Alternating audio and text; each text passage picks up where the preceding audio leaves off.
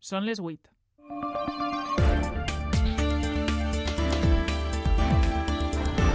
Les notícies de la nit, amb Sara Garcia i Chelo Vicente. Hola, com estan? La il·lusió en esta vesprada de Reis s'escampa per cada poble i ciutat de la comunitat valenciana i va agafant intensitat a mesura que Melchor, Gaspar i Baltasar van passant per davant dels milers de persones que els esperen als carrers i les places per veure'ls i escoltar el seu missatge. Les salves d'honor anuncien que Melchor, Gaspar i Baltasar estan arribant a aquest vaixell i és que per a escoltar el missatge encara queda un poc, però durant tots estos dies han estat rebent ses majestats cartes i més cartes amb els regals que volen xiquets i xiquetes. He demanat molts regals i un, també un regal per a la meva família. Un pepito, que és un peluche. Un bolso i també un llibre. Moltes gràcies per repartir regals i que no vingui el Covid otra vegada. Jo li he demanat una agenda i alguna cosa de dibuixar. Eh, coses per a jugar i una cadira d'ordenador. Com ja veuen, la llista de regals per a repartir és ben llarga i, per tant, la feina dels pages i de ses majestats és ingent. Des d'ara no pararan, tenen tota la nit per davant per arribar a cada racó i satisfer els múltiples desitjos expressats. En este informatiu anirem al Coi, Alacant, València i Castelló de la Plana. És la notícia destacada d'avui, dijous, en dia 5, en vespre i nit de Reis. Però n'hi ha d'altres que repassem en el sumari amb Chelo Vicente. Al control tècnic està José Navas i Juan Alpuente.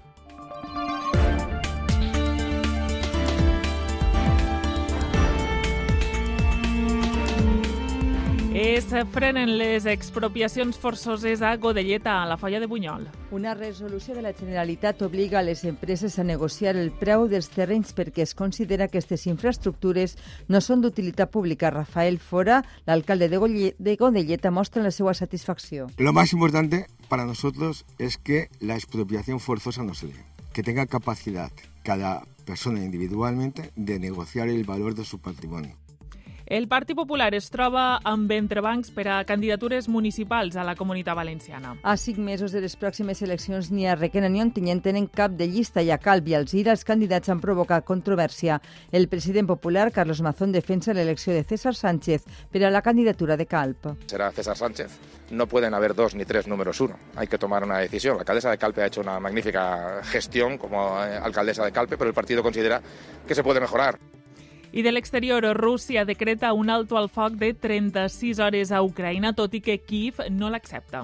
Eixa treva començarà demà a les 12 del migdia i acabarà a la mitjanit de dissabte. El president rus ha acceptat la petició del patriarca ortodox per a celebrar el Nadal d'este vessant cristià. La treva no ha tingut bon acolliment a Kiev, que qualifica d'hipòcrita la proposta del Kremlin.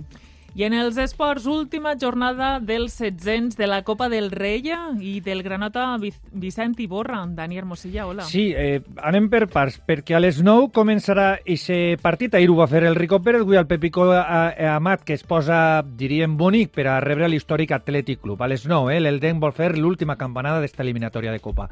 Del dia, anem a començar per Vicent Iborra. Apel·lació, acabem de conèixer, acaba de tombar el recurs del Llevant, que ha decidit ja recórrer al Tribunal d'Arbitratge Esportiu, el TAT, però este no es reunirà fins la pròxima setmana. Això fa que eh, Iborra no jugui demà el partit de Lliga contra l'Sporting de Gijón. També és notícia del dia Jero Rulli, que avui mateix s'ha acomiadat del Villarreal per a jugar en l'Ajax d'Amsterdam. Doncs, Dani, i 25 aproximadament un poc més d'informació esportiva. Estaré malda, estaré malda. Adéu. Molt bé. I pel que fa a l'oratge, hem tingut un dia assolellat i com ahir, una vegada s'ha posat el sol, les temperatures baixen radicalment. Bona nit, Joan Carles Fortea.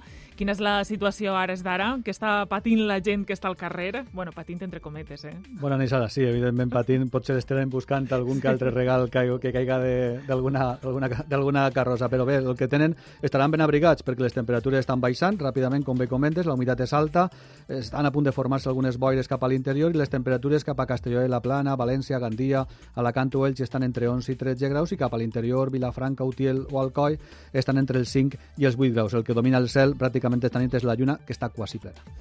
I eh, això pel que fa a hores d'ara, eh, esta nit tenim quasi lluna plena, però com tindran la nit pages i ses majestats per a repartir els regals? Bàsicament, meteorològicament, l'únic que caldrà patir serà per les temperatures baixes, les gelades que hi haurà cap a les zones fondes d'interior i també per les boires, que com ahir tornaran a formar-se en algunes zones fondalades interiors i podrien ser persistents demà a primeres hores. Pel que fa al dia de Reis, un dia també molt tranquil, sense vent, dominarà el sol i amb unes temperatures com les d'avui, entre els 16 i els 18 graus cap al litoral. Dia de buscar el sol. A l'ombra es notarà l'ambient més fresquet i més humit, per un dia molt tranquil. A l'espera d'aixòs canvis que han vist al cap de setmana setmana. Dissabte es portaran un poquella de ponent, que bufarà eh, fluixet a moderat, i el diumenge és un dia més gris, amb ruixats irregulars, no tan agradable, amb temperatures més altes, tot i el vent, però serà un vent de ponent que bufarà amb alguna ratxa forta. Per tant, la tendència d'este llarg cap de setmana és a cap a temperatures més altes, cap a vent més fort, i el dia més tranquil el tenim demà. Demà és un dia completament assolellat, vent encalmat, però fred de matí. Doncs per a gaudir, bona cosa dels regals que porten els Reis. Exactament. Gràcies. Fins ara. Adéu. Escoltes a punt. Les notícies de la nit.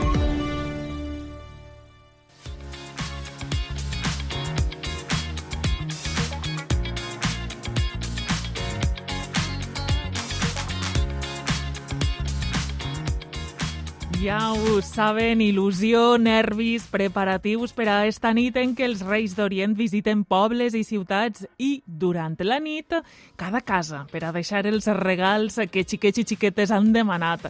Com ja saben, la xicalla viu esta vesprada amb eixa màgia amb intensitat especial. Així ens ho han contat des de les cavalcades que han recorregut els pobles de la comunitat valenciana. He pedido la máquina de la verdad, Chuchelandia, porque van a traer regalos, porque será una felicidad por la noche, porque estaré con mi familia. Sé que sí que necesiten regals que jo puc tindre i que necessiten més regals que jo. Preparar la comida para los reyes. Això és molt guai. Un, un poc nerviosa. Uns llibres, Lego y un telescopio. Estoy muy contenta que vayan a venir los reyes esta noche. I als carrers d'Alcoi, pages, torxes, carros engalanats i carrosses es dirigeixen a aquestes hores per a fer l'adoració del Jesuset. És la cavalcada més antiga d'Espanya i pot ser de tot el món. I allà està Isabel González, una cavalgada emocionant, suposem, i especialment per als més menuts i menudes. Hola. Hola, bona nit, Sara. No sé si sentiu la cridòria, però això que sentiu és la banda sonora que acompanya el rei Gaspar, que és el que acaba de fer la seva entrada espectacular en la plaça d'Espanya. Així ja l'esperava el rei eh, Melchior, que ha el primer en arribar, i tots estan esperant de que arribi Baltasar, el tercer. Va en espai, perquè hi havia tantes ganes d'esta cavalcada, que com tu has dit, és la més antiga d'Espanya, se celebra des del 1885 i només s'ha interromput dues vegades. Una, un, la primera volta perquè hi havia una nevada impressionant i la segona ha sigut a causa del Covid. Per això hi ha tantes ganes de rei que els pe petons i les abraçades de xiquets pujant als camells estan alentint aquesta cavalgada. Esperem al rei Baltasar i quan estiguen tots tres junts es procedirà a aquest moment culminant que tu acabes de comentar, que és l'adoració al Jesuset, un moment culminant. Moltíssimes gràcies des d'Alcoi, Isabel González. Puntuals a les 5 de la vesprada, ses majestats han arribat al port d'Alacant a bord d'una patrullera de la Guàrdia Civil. Amparo Peiró, quin recorregut han fet des d'allà? Els Reis han fet una primera parada a la plaça de Bous i després a la Diputació, abans de començar el recorregut des de la plaça dels Estels per a ser els protagonistes d'una cavalcada que enguany complix 75 anys. Una desfilada plena de fantasia, de música i de coreografies que sí que s'esperaven amb nerviosisme i que eh, estan disfrutant molt, tant de la part lúdica com de la bíblica i de la comercial, en la que s'estan repartint joguets i caramels. El punt final serà la plaça de l'Ajuntament, on els reis adoraran el Jesuset i començarà una llarga nit per entregar tots els regals que han portat. Els Reis tenen una missió molt important per a preservar el medi ambient i a València ho han posat de manifest en la cavalcada que ha eixit des de l'Albereda. Carmen Domingo, què has pogut veure al llarg del recorregut? Bona vesprada, bona nit.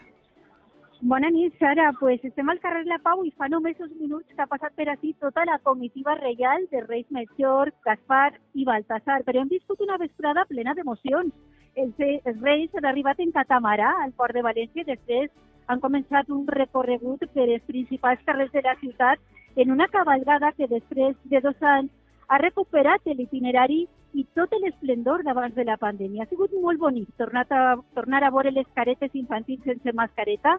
Això és un regal per a tots i totes, però a més ha sigut una cabalgada com vius, amb un missatge verd, de protecció de la natura, perquè tota la escenificació de les carrosses tirava entorn a un lema, missió València, ciutat neutra.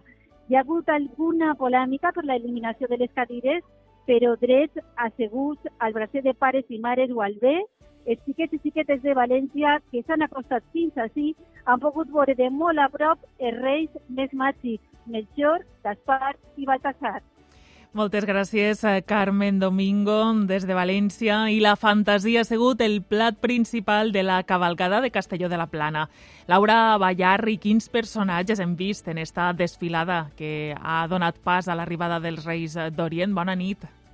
Bona nit. Quins personatges hem vist i quins personatges continuem veient, perquè la cavalcada dels Reis a Castelló encara està desfilant.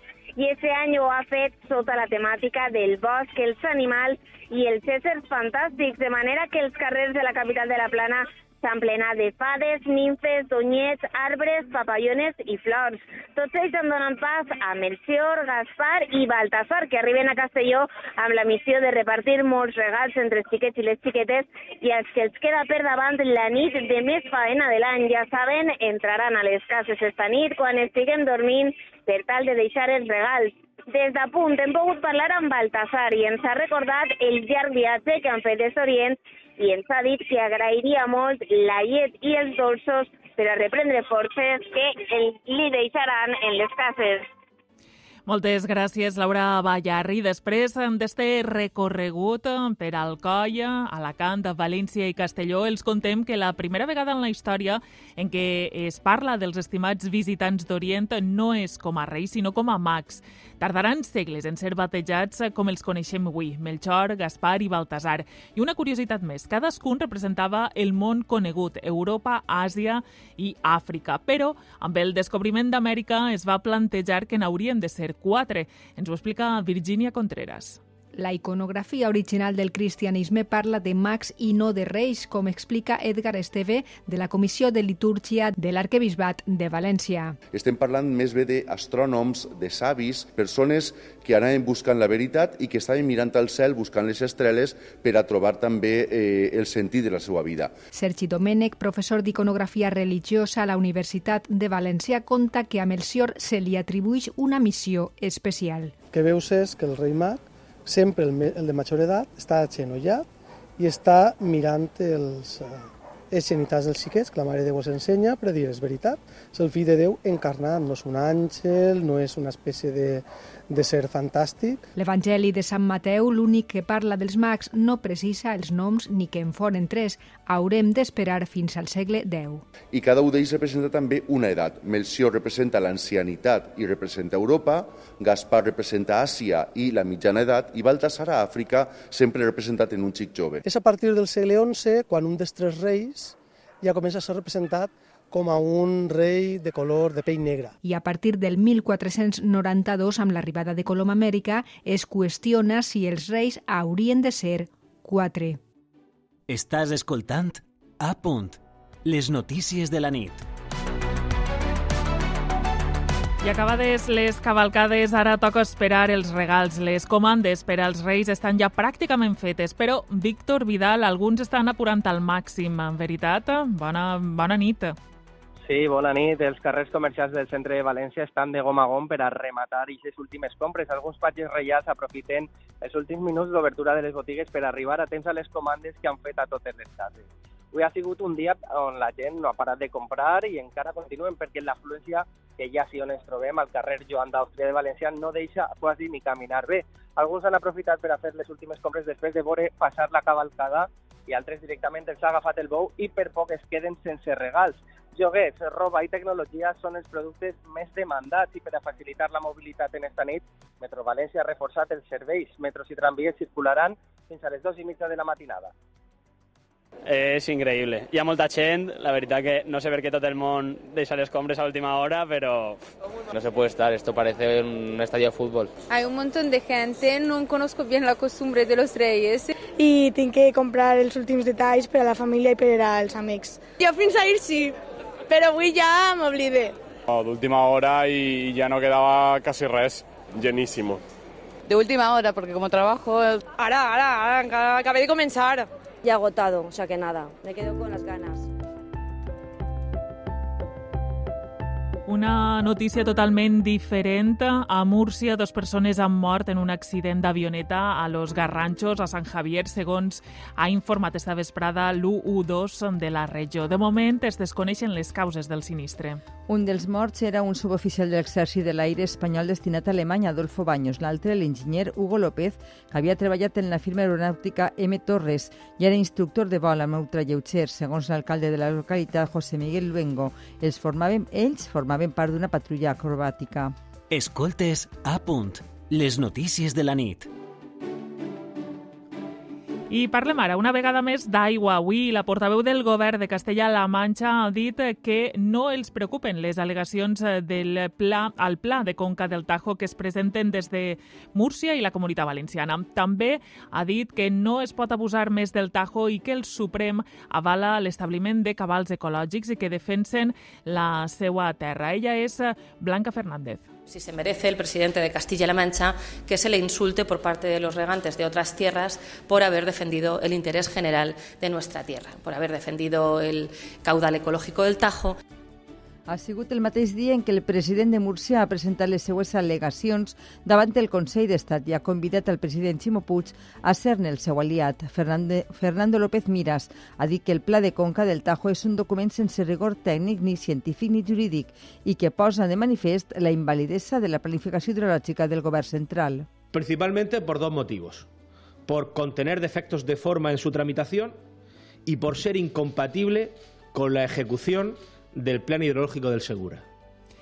I Godelleta ha aconseguit frenar les expropiacions forçoses per a construir instal·lacions fotovoltaiques. Una resolució de la Generalitat obliga les empreses a negociar el preu amb els propietaris dels terrenys. El motiu que aquestes plantes solars no es consideren infraestructures d'utilitat pública. Fèlix Tena. L'Ajuntament de Godelleta va recórrer davant la Generalitat l'expropiació forçosa de terrenys destinats a infraestructures fotovoltaiques. Ara la Direcció d'Indústria els ha donat la raó, perquè plantes no es consideren d'utilitat pública en este cas. Rafael Fora es el alcalde de Godelleta. Lo más importante para nosotros es que la expropiación forzosa no se dé, que tenga capacidad cada persona individualmente de negociar el valor de su patrimonio, porque son son patrimonios empresariales que cada uno debe de saber situar su precio y el que quiera vender que venda y el que no quiera vender que no venda. La Generalitat ha rebut en els últims anys 391 expedients de projectes fotovoltaics al llarg de la comunitat valenciana. Fins desembre se n'han resolt 113 i este mes de gener s'han de resoldre 64 expedients més, dins dels terminis per accelerar la implantació de les energies renovables.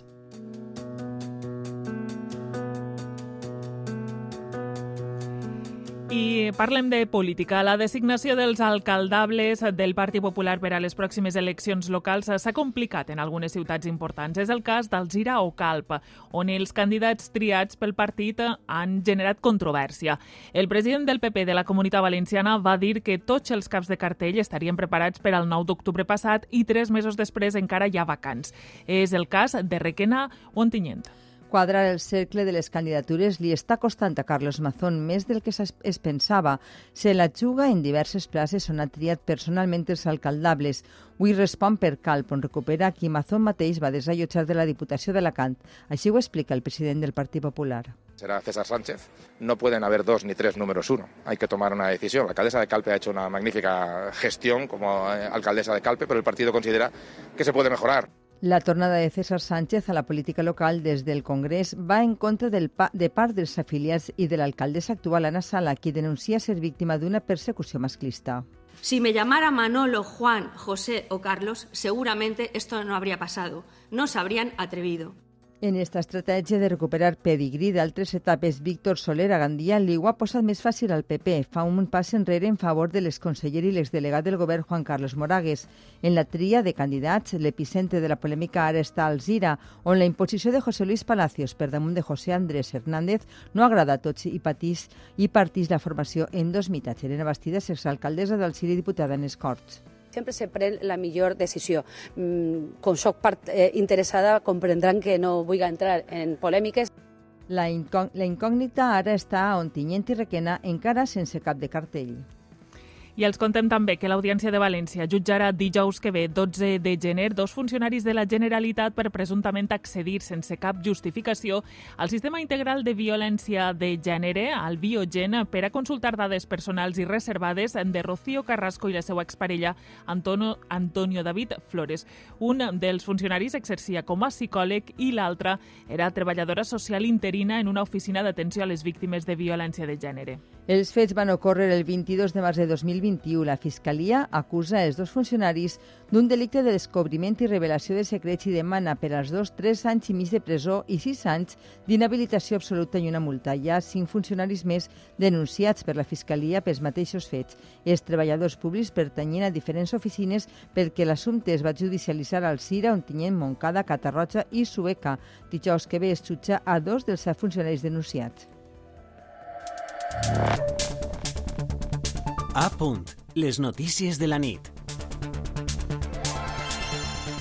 El president rus Vladimir Putin ha ordenat un alto al foc de 36 hores a Ucraïna a partir de demà. Ho ha fet a petició del patriarca Cyril I, cap de l'Església Ortodoxa russa, confessió religiosa que celebra ara el seu Nadal. La treva no ha sigut eh, ben acollida a Kiev, que qualifica d'hipòcrita la proposta del Kremlin, informa Zaida Ruiz. Un alto el foc momentani de 36 hores que començarà demà a les 12 del migdia i finalitzarà dissabte a les 12 de la nit. Putin recula així la petició del patriarca Kirill, que va demanar una treva perquè els creients celebren la festa de Nadal ortodoxa el 7 de gener. Segons el Kremlin, en la línia del front d'Ucraïna viu un gran nombre de ciutadans que professen esta religió. Kiev desconfia. L'assessor de la presidència ucraïnesa, Mikhailo Podoliak, parla en Twitter de trampa cínica del Kremlin i qualifica la notícia d'hipocresia russa. Els Estats Units també es mostren escèptics. El seu president Joe Biden diu que el Kremlin busca oxigen. És la primera vegada que Putin ordena un alto el foc des que va començar el conflicte el passat 24 de febrer. I les concessions de McCarthy, el candidat republicà a presidir el Congrés nord-americà, no desbloquegen la crisi política als Estats Units. Després de tres dies de votacions, una vintena de diputats ultres impedeixen la seva elecció, una situació que paralitza tota l'activitat legislativa. El portaveu que ha defès la candidatura de Kevin McCarthy deia que podien arreglar l'embolic, però avui no sembla que sigui el dia. Els diputats d'extrema dreta, sense una alternativa viable, han tirat, igual que en la primera votació d'ahir, de Byron Donalds a la fi, McCarthy s'ha quedat, com sempre, sense els vots suficients per accedir al Congrés. I eh, han acomiadat avui definitivament el papa emèrit Benet XVI en, el, en un funeral presidit per un altre pontífex. Ha sigut a la plaça de Sant Pere al Vaticà un fet inèdit davant la presència d'unes 50.000 persones. Les restes mortals de Benet XVI, de Benet XVI ja descansen a les grutes vaticanes, al mateix lloc que va ocupar Joan Pau II i Joan Pau i Joan XXIII. Ho fan en un ataúd triple segellat l'acompanyen alguns objectes personals, com les medalles encunyades durant el seu pontificat i un pergamí, amb els fets més destacats de la seva biografia. Només hi havia dos delegacions oficials, la italiana i l'alemanya, perquè Ratzinger va renunciar al seu càrrec i no era cap d'estat. Al capdavant de la delegació espanyola, la reina Sofia i al seu costat els reis de Bèlgica. El papa francès, que arribava en cadira de rodes i presidia la missa que ha oficiat el degà del Col·legi de Cardenals. En la seva homilia ha destacat l'entrega i la saviesa del seu predecessor.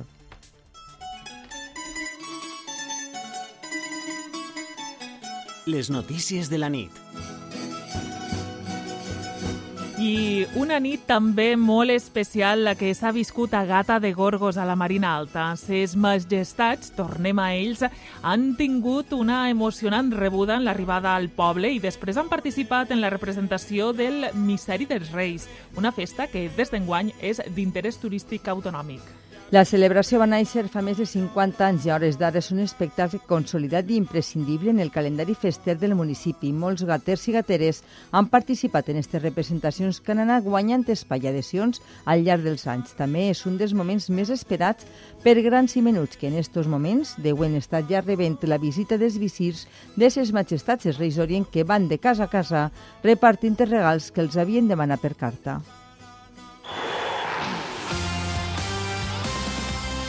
Els esports en A punt. Les notícies de la nit. I eh, com bé dèiem en els titulars, avui conclou eh, el 700 de final de la Copa del Rei. Dani Hermosilla, bona nit de nou. Bona nit, Sara. Així és, i se n'anem ràpidament a Eldan. A partir de les 9 de la nit, l'Elden rep la visita de l'Atlètic Club. Al Pepico Amat tenim el nostre company Toni Galindo, que serà l'encarregat de portar-nos la narració en el programa des de la banda d'ací uns minuts. Toni, bona nit, gran ambient. Tenim 11 inicials. Hola, Dani, prehistòric al Pepico Amat. No hi ha de 5.000 espectadors per a este duel entre el líder de la primera federació i el quin classificat de la primera divisió espanyola. Tenim 11. Comencem amb l'Atlètic Club de Bilbao. Julen en porteria, defensa per a l'Eque, Vivian, Geray, Juri, mig del camp per a Vesga, i trident atacant Nico Williams, Berenguer i Raúl García. Per part de l'Eldenc, Estamatakis en porteria, defensa per a Àlex Martínez, Pardo, Pajarero, Diego González, mig del camp per a Carnicer, Xavi Estacio, Juanjo Ortuño i trident atacant per a Nieto, Montes i Sergio Ortuño. Gràcies, eh, Toni. A les 9 menys 10 en el programa des de la banda tindrem la narració del partit. De seguida eh, anem amb més coses, anem amb l'actualitat pura i dura del que ha donat la vesprada i comencem amb Vicent Iborra, que, al qual el comitè de competició eh, li havia sancionat en quatre partits i apel·lació ha tombat avui el recurs del Llevant Unió Esportiva, per la qual cosa no jugarà demà en el partit de Lliga contra l'Sporting de Gijón. Recordem que eh, el jugador va ser expulsat en quatre uh, va ser expulsat en el partit de Getafe en la Copa i va ser sancionat amb quatre partits. El Llevant va recórrer al Tribunal d'Arbitratge Esportiu, al TAT, al conegut TAUT, però este no es reunís fins la pròxima setmana, raó per la qual el jugador es baixa per a, també per a la Lliga. Notícia també d'esta primera, de primera hora d'esta vesprada en l'Elx, és el primer fitxatge de l'Elx en el mercat d'Iber. Es tracta del central argentí Lisandro Magallán, que arriba al conjunt franxaver cedit per l'Ajax fins al final de temporada. El jugador té experiència en la Lliga Espanyola, va jugar en l'Alavés i també la Lliga Italiana en el Crotone. Ja es troba a Elx, es va passar la revisió mèdica i està a disposició del tècnic Pablo Machín.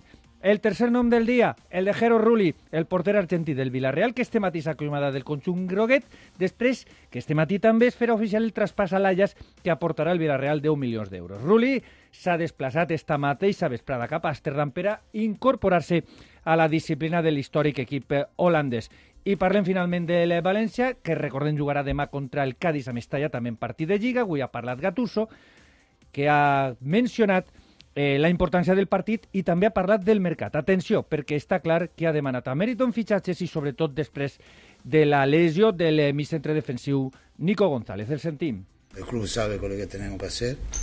En este momento no tengo tiempo, tengo que perder la mi energía porque se juega ogni tres días preparar el partido. No quiero Bé, sentíem a Gattuso queixant-se d'aquesta situació. El club sap el que ha de fer i ha de firmar un jugador. I acabem amb una notícia també que hem conegut esta mateixa vesprada, fa uns minuts, i és que Víctor Claver, el jugador de València Bàsquet, patís finalment una fractura costal, se li ven fred, fred proves després del partit contra el Fuenlabrada, i això, això el deixarà fora de l'equip les pròximes setmanes i també no jugarà, lògicament, demà en la Fonteta en el partit de l'Eurolliga contra l'Estrella Roja.